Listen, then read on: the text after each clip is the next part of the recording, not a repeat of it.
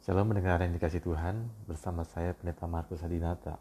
Firman Tuhan hari ini dari surat Roma 16 ayat 3 sampai 4. Sampaikan salam kepada Priscilla dan Aquila, teman-teman sekerjaku dalam Kristus Yesus.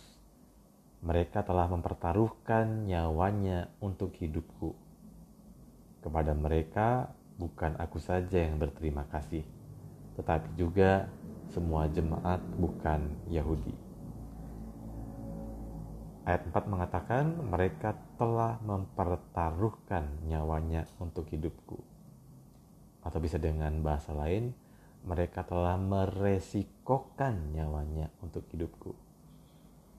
Bicara soal mengambil resiko, bukankah hidup ini adalah hidup yang sering kali kita harus mengambil resiko ketika kita pergi keluar naik kendaraan, tas sepeda motor, mobil atau sepeda atau bahkan berjalan kaki sekalipun selalu ada risiko. Entah itu resiko jatuh, tertabrak, atau resiko-resiko yang lain. Bahkan ketika seorang pemuda memutuskan untuk menyatakan cintanya pada pemudi idamannya, dia mengambil resiko untuk ditolak. Namun ketika dia tidak berani mengambil resiko itu, selamanya dia tidak akan pernah mendapatkan pemudi yang menjadi idamannya. Dalam pengertian yang lain, seorang bernama Helen Thompson mengatakan, Mencintai berarti mengambil resiko terbesar dari semuanya. Ini berarti menempatkan masa depan dan kebahagiaan Anda ke tangan orang lain. Artinya, membiarkan diri Anda untuk percaya tanpa syarat. Itu berarti sedang dipersiapkan untuk segala kemungkinan yang bisa jadi menyakitkan. Dalam firman Tuhan di surat Roma tadi,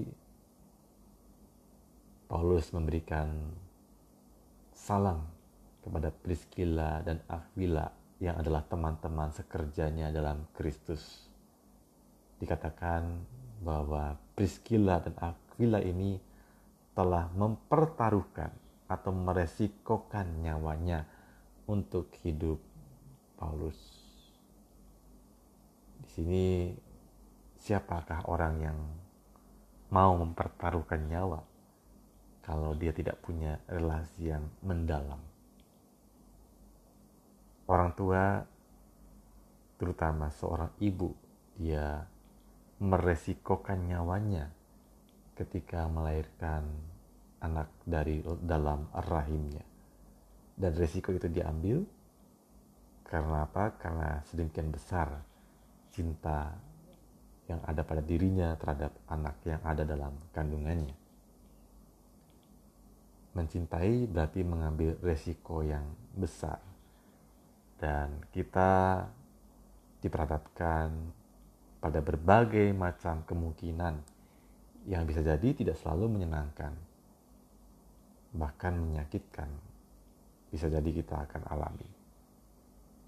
Namun seorang yang tidak pernah berani mengambil resiko, dia tidak akan pernah belajar hal-hal baru dia tidak akan melihat hal-hal yang indah dan menakjubkan yang Tuhan sediakan baginya.